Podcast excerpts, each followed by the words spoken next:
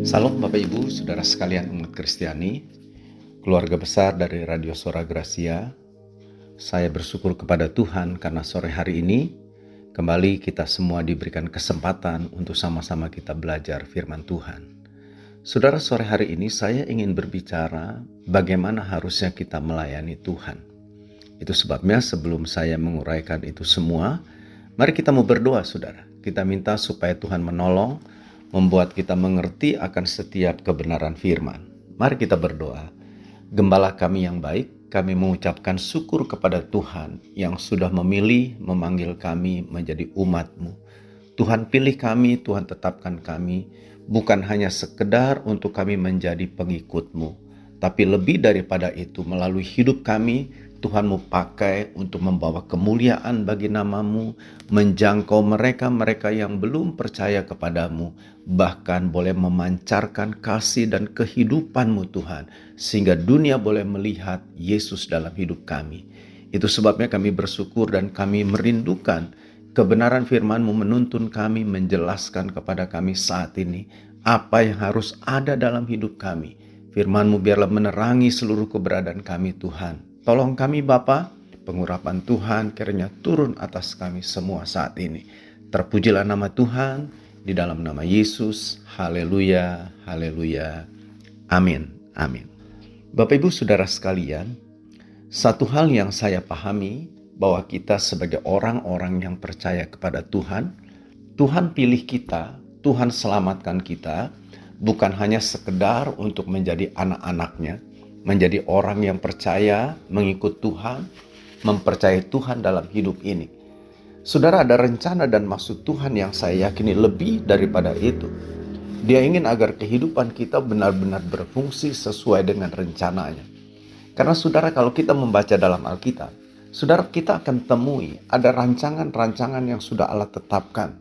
Kalau kita kembali jauh ke kitab kejadian pasal-pasal pertama, Bagaimana Allah menciptakan segala sesuatu dan begitu indah. Allah merancangkan kehidupan bagi manusia.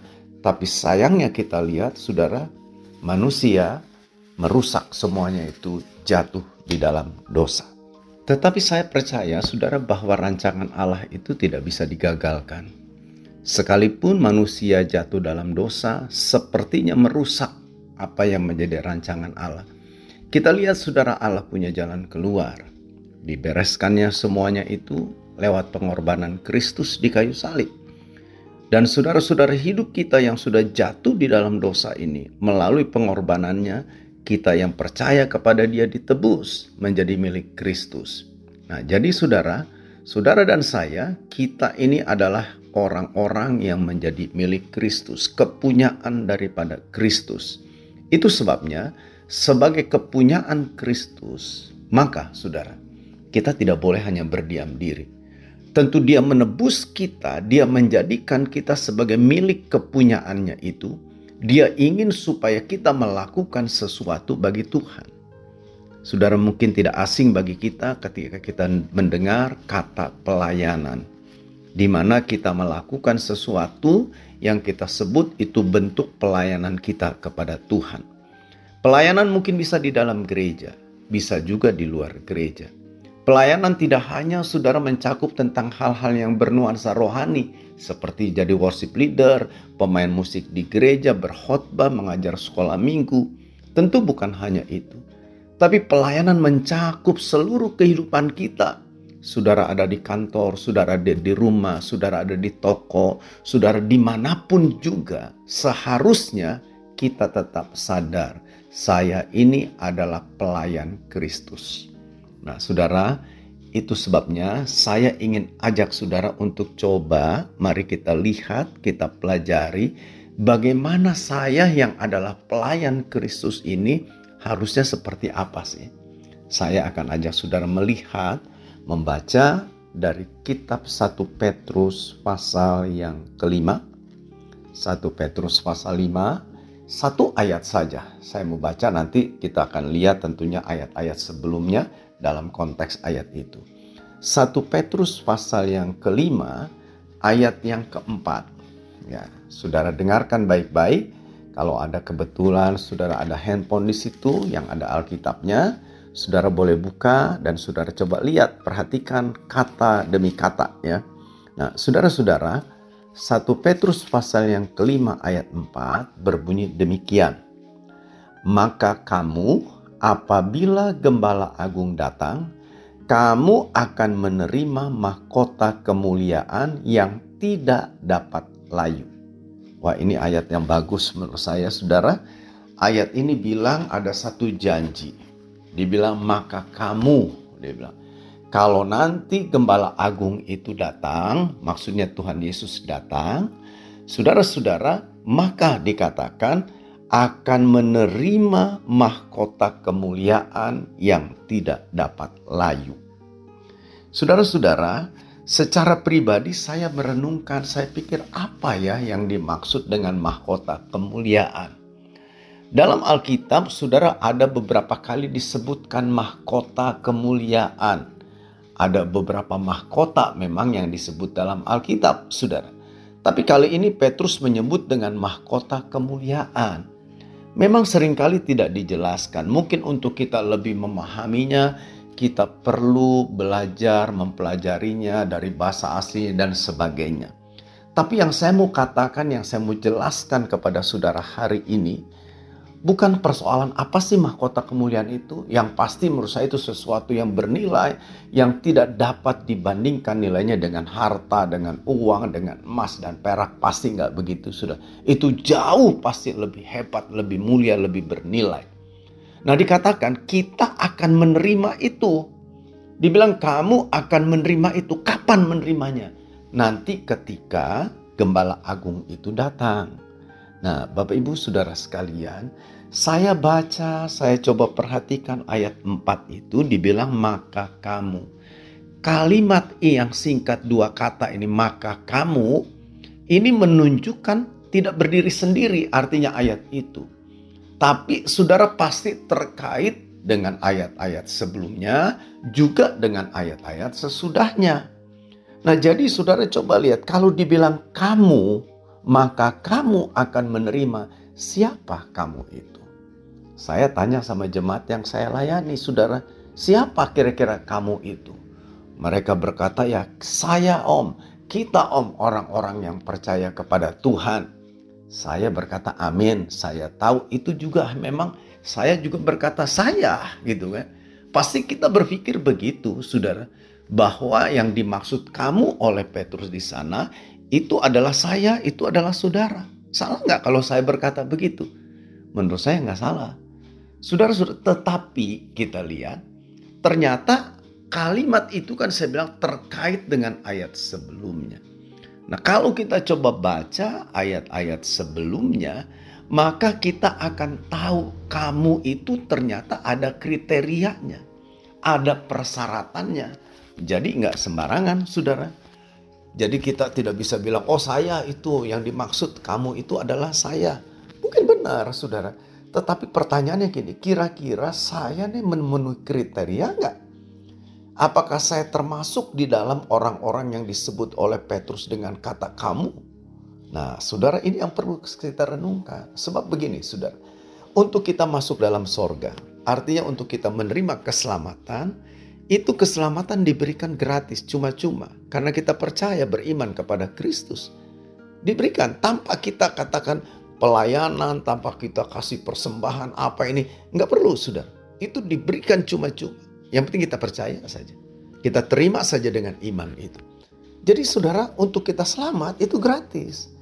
Tapi jangan lupa untuk kita memperoleh mahkota itu itu tidak gratis. Ada persyaratan, ada kriteria yang harus kita penuhi, yang harus kita lakukan. Ini yang saya kira harus kita tahu. Ya. Jangan juga kita bersikap bodoh. Nggak apa-apa lah Pak, yang penting saya masuk sorga gitu.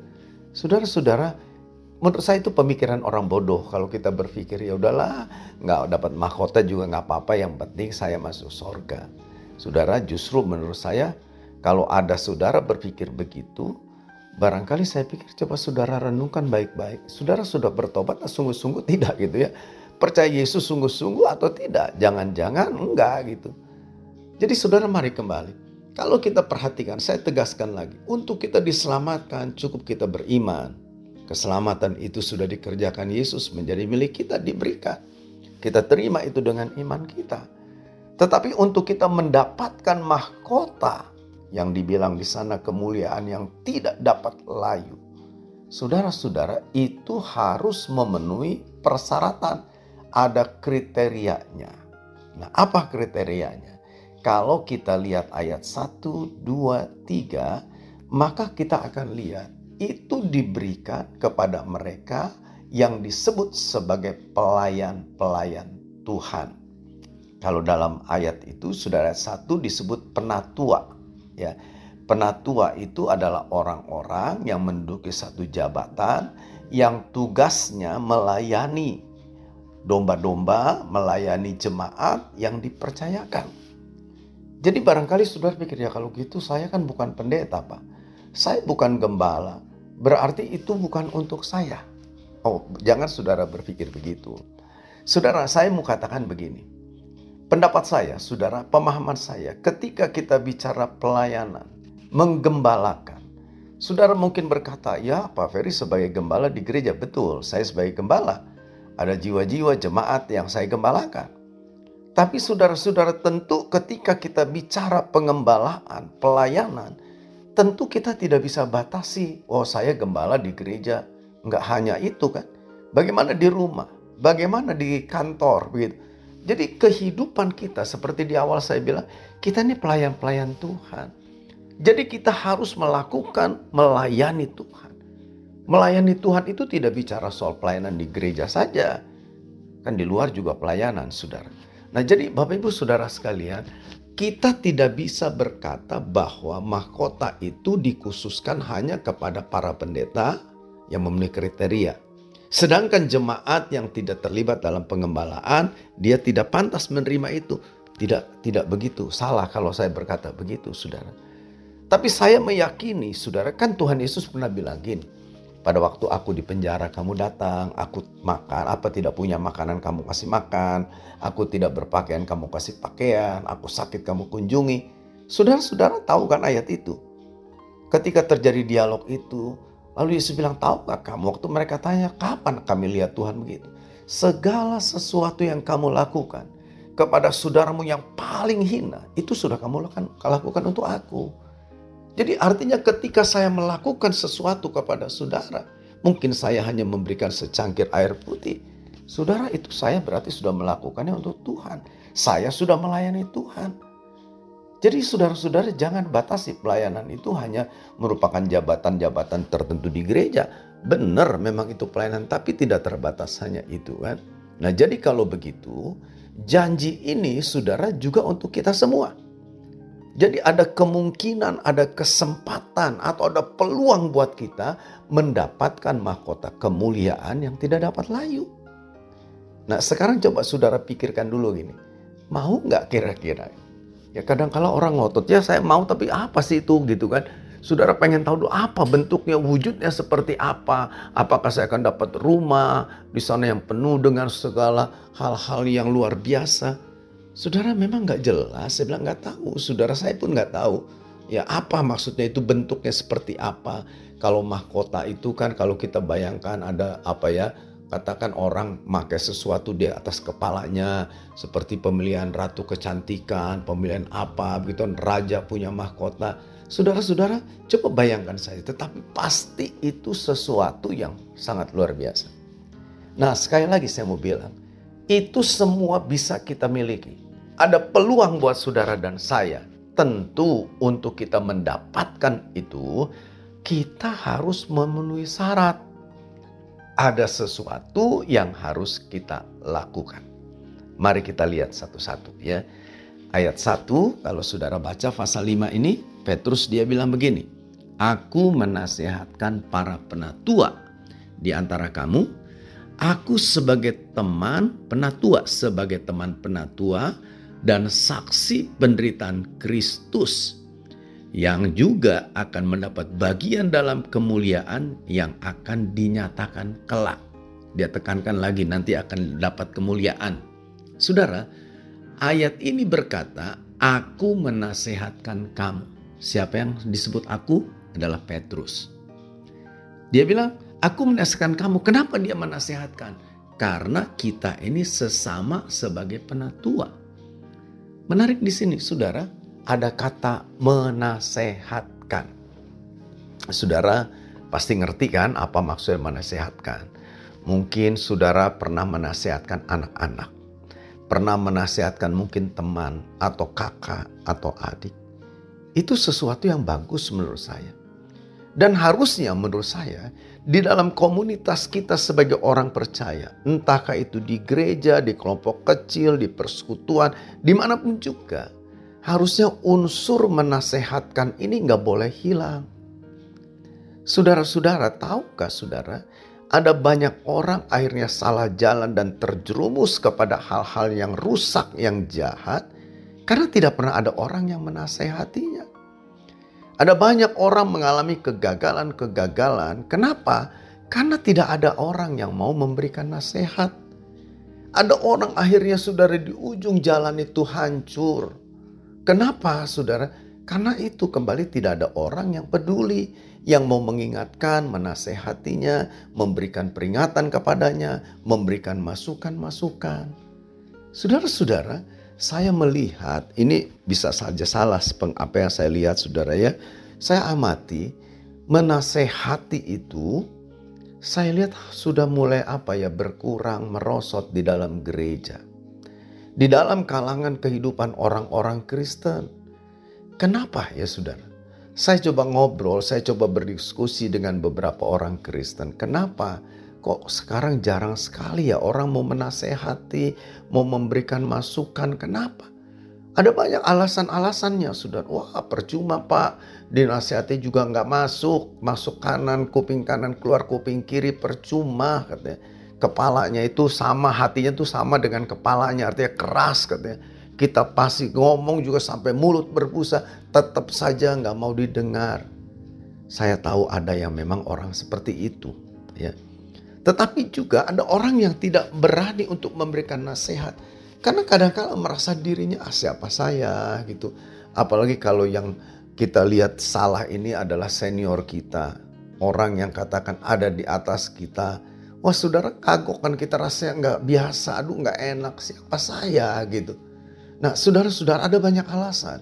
Alasan lain lagi saudara orang kadangkala ketika dinasehati, ketika diberi masukan, banyak orang itu nggak terima.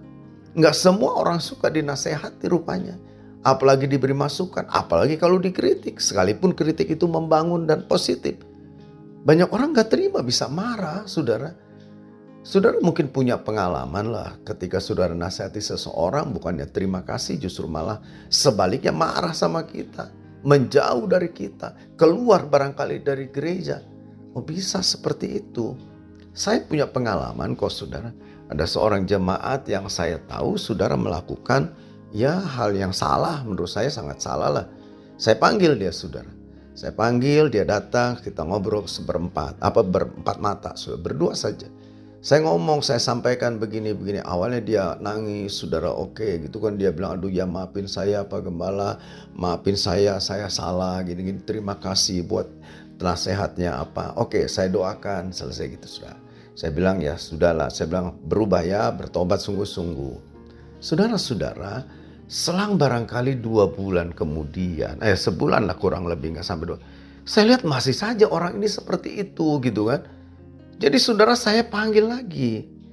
Saya bukan bukan cuman kata orang gitu, saya tahu sendiri. Jadi kan saya saudara nggak nggak mudah lah. Saya bukannya orang yang suka gampang dengar hasutan orang. Orang bilang begini, wah saya langsung percaya. Saya sepertinya nggak begitu. Biasanya saya selalu dengar, oke okay, saya coba cross check gitu kan, sudah betul tidak. Tapi kalau ini saya tahu sendiri gitu sudah. Jadi saya panggil lagi. Nah yang kedua itu memang dia tidak seperti yang pertama tapi dia menampilkan mimik muka yang tidak suka begitu ya tapi ya saya sampaikan saja nah selesai itu ya sudah saudara dia pulang wah saudara dia ngomong di luaran macam-macam gitu ngejelekin saya dan sebagainya. Nah artinya gini saya tahu ada orang-orang yang memang tidak suka mendengarkan nasihat. Tetapi saudara mari saya mau ingatkan saudara kita punya tugas. Saudara-saudara, Yeskel diingatkan oleh Tuhan. Yeskel, kalau kamu lihat ada orang Israel yang berbuat dosa, hidup dalam dosa, kamu harus ingatkan. Kalau kamu tidak ingatkan dia, memang dia akan binasa karena hidup dalam dosa. Tapi aku akan minta tanggung jawab daripadamu. Kenapa kamu diam aja? Nah dari sini kita mengerti sudah Tuhan ingin agar keberadaan kita ini berfungsi, melayani Tuhan dengan cara memberikan nasihat. Juga kalau saudara diberi nasihat oleh orang, belajar berbesar hati gitu saudara. Kita harus bisa terima itu. Nggak enak memang mungkin saudara sakit gitu ya, dengar tajam gitu. Saudara-saudara, coba dengan tenang pikirkan itu, renungkan itu, pasti ada baiknya Betul deh saudara, pasti akan ada baiknya. Ya, jadi jangan anti dengan kritik, jangan anti dengan saran, jangan anti dengan nasihat. Terima itu saudara. Mungkin tidak semua nasihat itu betul, tidak semua itu cocok dengan kita. Ya, tapi terimalah kita coba saringkan begitu saudara. Itu yang pertama. Jadilah orang yang mau memberi nasihat, mengingatkan orang lain. Jadilah orang juga yang berbesar hati untuk menerima nasihat. Yang kedua, kita lihat ayat 2-nya. Ayat 2 bilang apa saudara? Petrus bilang begini. Dikatakan janganlah kamu, eh, ayat 2 ya. Gembalakanlah kawanan domba Allah yang ada padamu. Kita disuruh mengembalakan, melayani. Saudara-saudara, bagaimana melayaninya? Dibilang di sana, jangan dengan paksa. Jadi jangan terpaksa gitu saudara. Tetapi dibilang dengan sukarela sesuai dengan kehendak Allah. Nah, ini yang kedua nih saudara. Jadi mari lakukan pelayanan kita jangan dengan paksa, harus dipaksa, harus diancam begitu saudara. Kalau enggak nanti kamu akan begini-begini, nanti begini-begini. Janganlah saudara. Mari coba berpikirlah dengan dewasa di dalam Tuhan. Tuhan mau kita ini sebagai pelayan yang melayani. Di dalam gereja, di rumah, di luar gereja, dan pokoknya di mana pun juga. Jangan lakukan segala sesuatu dengan terpaksa. Kalau kita lakukan segala sesuatu dengan terpaksa, saya kadang-kala bilang gini, lebih baik gak usah lakukanlah begitu. Kenapa? Sudah sebab saudara kalau kita lakukan dengan terpaksa, kitanya capek, kita juga nggak dapat nilai istilahnya sudah nggak dapat upah apa-apa dari Tuhan. Ya sudah lebih nggak usah lakukan saja gitu saudara. Bapak ibu saudara sekalian, di tempat pelayanan saya biasanya suka ada mahasiswa-mahasiswa yang praktek saudara. Ya mereka ada yang tiga bulan. Dulu saudara pernah ada yang sampai setahun apa ya apa enam bulan saya lupa lah karena sering kali dari bermacam-macam sekolah teologi ya saudara ya. Salah satunya saudara pernah dulu gitu ya ada dua anak mahasiswi saudara dia praktek di sini. Saya lupa dari STT mana lah gitu ya. Saudara-saudara datang oke. Okay. Lalu saya bilang begini. Saya tidak minta kamu untuk melakukan katakan pekerjaan yang menyangkut tentang urusan pribadi saya. Saya nggak akan suruh kamu untuk cuci piring di tempat tinggal saya, cuci pakaian saya, apa mobil saya enggak. Hanya satu yang saya minta tolong nih sama kamu. Kalau pagi, saya bilang, tolonglah nyapu dan ngepel itu di tempat tinggal saya di pastori. Cuma itu. Kalau soal gereja oke okay lah itu tanggung jawab dia. Tapi yang berkaitan dengan saya hanya itu yang saya minta. Tapi saya bilang dari awal saya bilang gini, mau nggak? Kalau kamu nggak mau, ya nggak apa-apa. Saya tidak akan marah dan juga tidak akan memberikan katakan penilaian buruk sama kamu tidak. Artinya gini saudara, saya mau ketika dia berkata iya, dia lakukan dengan serius. Ya dia bilang iya pak nggak apa-apa gitu. So, Oke, okay, lakukan lagi. Saudara, beberapa kali saya perhatikan gini. Saya pikir kok ini pastori jadi kayak begini, baunya nggak enak gitu saudara. Lalu juga dibilang bersih, tidak bersih, bukan tambah bersih, tambah kotor. Jadi saya coba satu kali perhatikan. Saudara tahu itu dari mulai menyapu sampai ngepel selesai. Memang nggak besar. Saudara kalau yang tahu tempat pelayanan saya di Kuningan, saudara tahulah sebesar apa pastori tempat saya tinggal itu kecil sekali, saudara. Itu tidak sampai lima menit selesai. Jadi saudara ketika kan saya di lantai dua, dia turun sudah saya lihat ini masih basah dan apa ya nggak nggak nyaman lah gitu. Saudara-saudara selesai itu jadi saya panggil, saya bilang begini, kamu ingat waktu saya sampaikan, saya bilang kak saya mau ketika kamu bilang iya dengan serius gitu dengan sungguh-sungguh jangan terpaksa. Saya bilang lebih baik kamu tidak usah lakukan kalau seperti itu. Nah, jadi saudara lihat ada orang-orang yang kadang-kadang cuman mungkin karena nggak enak atau takut beginilah takut begini, dia terpaksa lakukan. Nah ini nggak boleh saudara. Sebagai orang yang percaya kepada Tuhan. Apalagi kalau kita bahasakan dengan pelayanan. Tidak boleh ada keterpaksaan. Nah saudara-saudara tapi dibilang lakukan itu dengan sukarela. Saudara ingat ya, sukarela menurut saya berbeda dengan rela. Ada orang-orang yang rela mengerjakan sesuatu tapi tidak bersuka gitu kan. Tapi saudara beda. Orang-orang yang memang sukarela. Dia lakukan segala sesuatu, dia bersuka cita dengan tugas itu, dia kerjakan dengan serius, dengan sungguh-sungguh. Nah ini yang Tuhan mau orang-orang yang seperti inilah yang model seperti ini yang memenuhi syarat untuk menerima mahkota kemuliaan itu. Jadi ketika kita ditugaskan di gereja, ditugaskan di tempat kita bekerja atau tugas-tugas di rumah, lakukanlah itu dengan sukarela. Arti ada sukacita kita kerjakan itu. Bahkan itu merupakan satu ungkapan syukur. Aduh saya dipercaya ya oleh Tuhan untuk melayani ini. Untuk mengerjakan ini. Pasti beda deh saudara hasilnya. Jadi ingat yang pertama jadilah pribadi yang mau menasehati. Menerima nasihat. Dan yang kedua lakukanlah pelayanan kita dengan sukarela. Bukan dengan terpaksa. Yang ketiga, saudara lihat ya. Apa yang ketiga? Masih dalam ayat yang kedua, kalimat berikutnya bilang begini. Dikatakan dan jangan karena mau mencari keuntungan. Keuntungan bagi siapa? Bagi diri sendiri tentunya nih ya. Tetapi dibilang dengan pengendalian diri, dengan pengabdian diri. Jadi dibilang melayani itu tidak boleh mencari keuntungan untuk diri sendiri tapi sifatnya itu pengabdian. Wah, itu dua hal yang kontras sekali, saudara. Bapak, ibu, saudara sekalian, ini sesuatu yang sangat penting. Ya, saya percaya, saya ngerti, saudara. Katakanlah saya nih sebagai pendeta, saya berkhotbah, saya diundang. Kan untuk berangkat saya memenuhi undangan itu saya perlu uang untuk beli bensin kah, untuk transportasi itu saudara.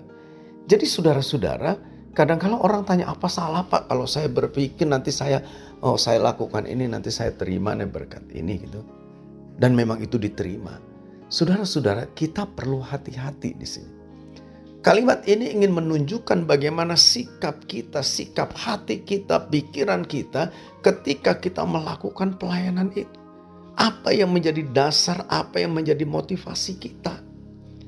Saya waktu menyiapkan renungan ini, saya berhenti sejenak dalam kalimat ini. Saya berpikir tentang diri saya. Saudara, apakah saya melayani karena supaya saya dapat sesuatu, mendapatkan sesuatu berupa finansial atau pujian dari manusia atau penghormatan dari manusia? Saya benar-benar periksa, saudara. Saudara saya suka diundang khotbah di satu gereja di Bandung. Ada beberapa gereja yang sering kali saya juga pelayanan. Saudara ada satu gereja cukup besar. Ibadah itu tiga kali. Pagi jam 7, lalu jam 10, dan sore saudara jam 5. Itu jemaat cukup besar. Saya kenal dengan pendetanya. Seringkali saudara saya diundang di gereja itu untuk khotbah. Dan saudara seperti umumnya biasanya kalau saya selesai khotbah, saya mau pulang, saya dikasih persembahan kasih. Dikasih orang bilang PK, persembahan kasih. Saudara-saudara selalu seperti itu. Satu hari saya ngomong begini sama pendetanya. Ini karena teman sudah jadi dekat, saya berani ngomong gitu kan. Saya pikir, saya bilang sama dia gini, nanti lain kali nih ya ke depan kalau pas saya diundang khotbah, saya akan datang. Tapi tolong saya bilang ya, eh, jangan kasih saya persembahan Saudara saya ngomong gitu bukan karena saya banyak uang, bukan, bukan saya karena saya nggak perlu uang, bukan karena gitu. Ya, pendeta temen ini kan bilang aja nggak apa-apa Pak Ferry itu kan bukan juga dari saya pribadi itu kan dari jemaat dan ya sewajarnya lah Pak Ferry menerima kan Alkitab bilang juga Pak Ferry sebagai pemberita Injil harus hidup dari Injil. Saya bilang benar nggak apa-apa tapi cobalah pura-pura aja ya anggaplah pura-pura lupa barangkali gitu. Saya bilang ya saya pulang dan pulang saja. Saudara, tahukah saudara kenapa saya minta seperti itu? Saya mau bilang bukan saya nggak perlu uang. Bukan saya karena banyak uang, bukan, saudara, bukan itu. Tapi saya ingin menguji hati saya. Saya ingin tahu nih hati saya seperti apa kalau saudara saya melayani lalu pulang saya tidak dikasih uang, istilahnya begitu. Kan itu nanti akan ketahuan gitu sudah. Ya walaupun teman saya itu ngundang saya lagi dia nggak nggak lakukan itu. Tetapi dari sini saya mau bilang sama saudara, coba uji diri Saudara melayani di gereja sebagai apa? Boleh, itu bagus. Tapi lihat coba motivasi dasar apa kita melayani. Saudara, kita melayani bukan untuk cari kehidupan. Jadi bukan melayani untuk hidup, tapi hidup untuk melayani.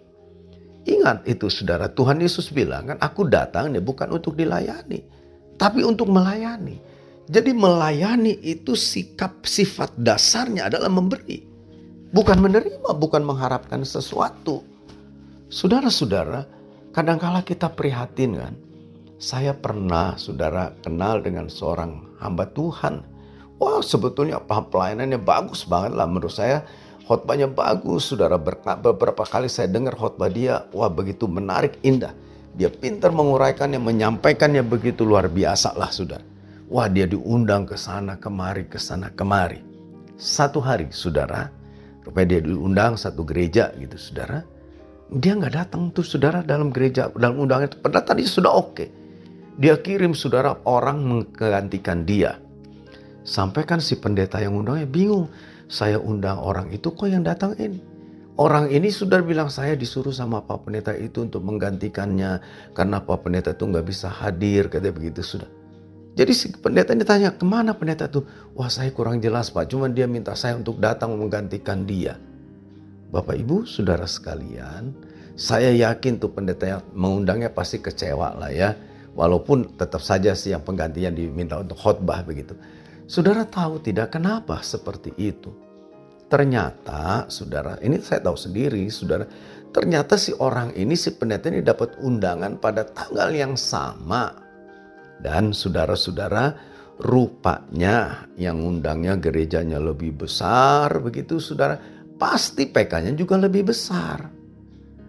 Saudara-saudara, kadangkala ini bukan lagi menjadi sebuah rahasia, katakanlah sudah menjadi rahasia umum. Banyak orang kadangkala pilih-pilih pelayanan. Wah kalau di saya pelayanan di situ saya akan lebih merasakan apa hebat gitu kan, kemuliaannya lebih besar. Hati-hati saudara. Saudara Petrus ingatkan, jangan untuk mencari keuntungan, tapi pengabdian. Saudara tahu arti pengabdian? Pengabdian itu tidak pernah berpikir apa yang akan saya terima kalau saya lakukan ini. Berapa yang saya terima nanti kalau saya kerjakan pekerjaan ini. Itu bukan pengabdian. Tapi pengabdian itu yang ada dalam pikirannya saya harus lakukan dengan sungguh-sungguh, dengan sepenuh hati, dengan sekuat tenaga kita. Yang terbaik saya lakukan supaya sang majikan saya, sang Tuhan itu disenangkan. Itu pengabdian. Bagaimana dengan upah? Gak usah pusing lah saudara. Tuhan kita Tuhan yang tahu kok. Dia Tuhan yang ngerti. Saudara-saudara, yang harus ada pada kita pikirkan saja bagaimana kita bisa menyenangkan dia Siapkan pelayanan saudara dengan sungguh-sungguh, kerjakan dengan segenap hati, kerjakan dengan serius. Dan saudara, biarlah Tuhan disenangkan. Kalau Tuhan disenangkan, gak usah pusing saudara.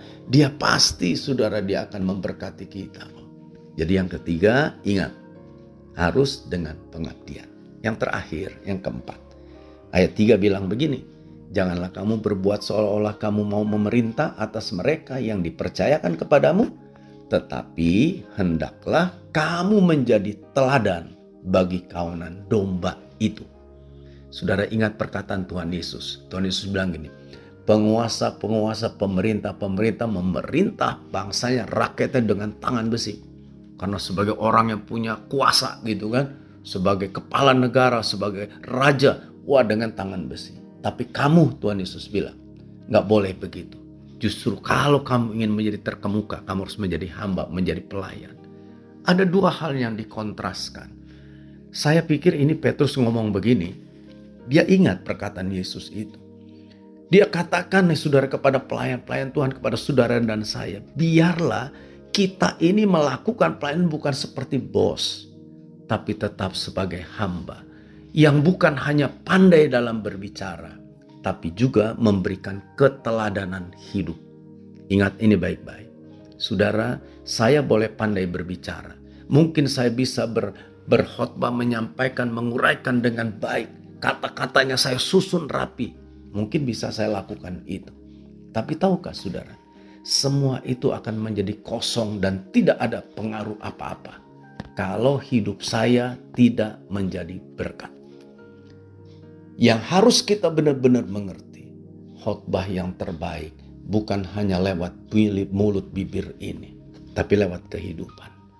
Khotbah yang akan memberikan dampak yang luar biasa ketika khotbah itu terpancar dari hidup ini. Jadi saudara dan saya, sebagai orang-orang yang melayani Tuhan, jangan cuma pinter ngomong, jangan cuma pelayanan lewat kata-kata kita, tapi biarlah terpancar lewat keteladanan hidup. Keteladanan hidup yang kita berikan, berbagi hidup. Biarlah orang melihat Yesus dalam hidup kita. Biarlah orang semakin cinta kepada Yesus karena melihat dari keteladanan hidup kita. Saya berharap apa yang kita pelajari sore ini, ini mengingatkan kita. Teristimewa untuk saya. Saya sebagai seorang pendeta, saya diingatkan lewat ayat-ayat ini saya berharap Tuhan menolong saudara untuk menjadi pelayan-pelayan Tuhan yang luar biasa. Sehingga ayat 4 berkata, maka kamu. Baru di situ kita bilang, iya Tuhan amin itu saya. Karena kita sudah mengerti dan kita melakukan empat hal di ayat-ayat sebelumnya. Tuhan Yesus berkati kita semua. Amin. Amin. Mari kita berdoa saudara. Terima kasih Tuhan Yesus, Engkau gembala agung kami yang begitu luar biasa dan mengasihi kami. Kami bersyukur Tuhan ingatkan kami supaya kami mendapatkan mahkota kehidupan, mahkota kemuliaan yang tidak dapat layu itu. Tuhan beritahu kami supaya kami punya kriteria seperti yang Tuhan kehendaki. Tolong kami mampukan kami untuk kami hidup seturut dengan kehendakmu ini. Terima kasih Bapak. Hamba berdoa dari studio ini berkati setiap pendengar yang sudah mendengarkan kebenaran firman-Mu. Berkatmu turun atas mereka pribadi mereka diberkati, rumah tangga mereka diberkati, keluarga mereka diberkati, usaha pekerjaan mereka dalam nama Yesus diberkati, pelayanan mereka diberkati, semakin bertambah-tambah, nama Tuhan dipermuliakan.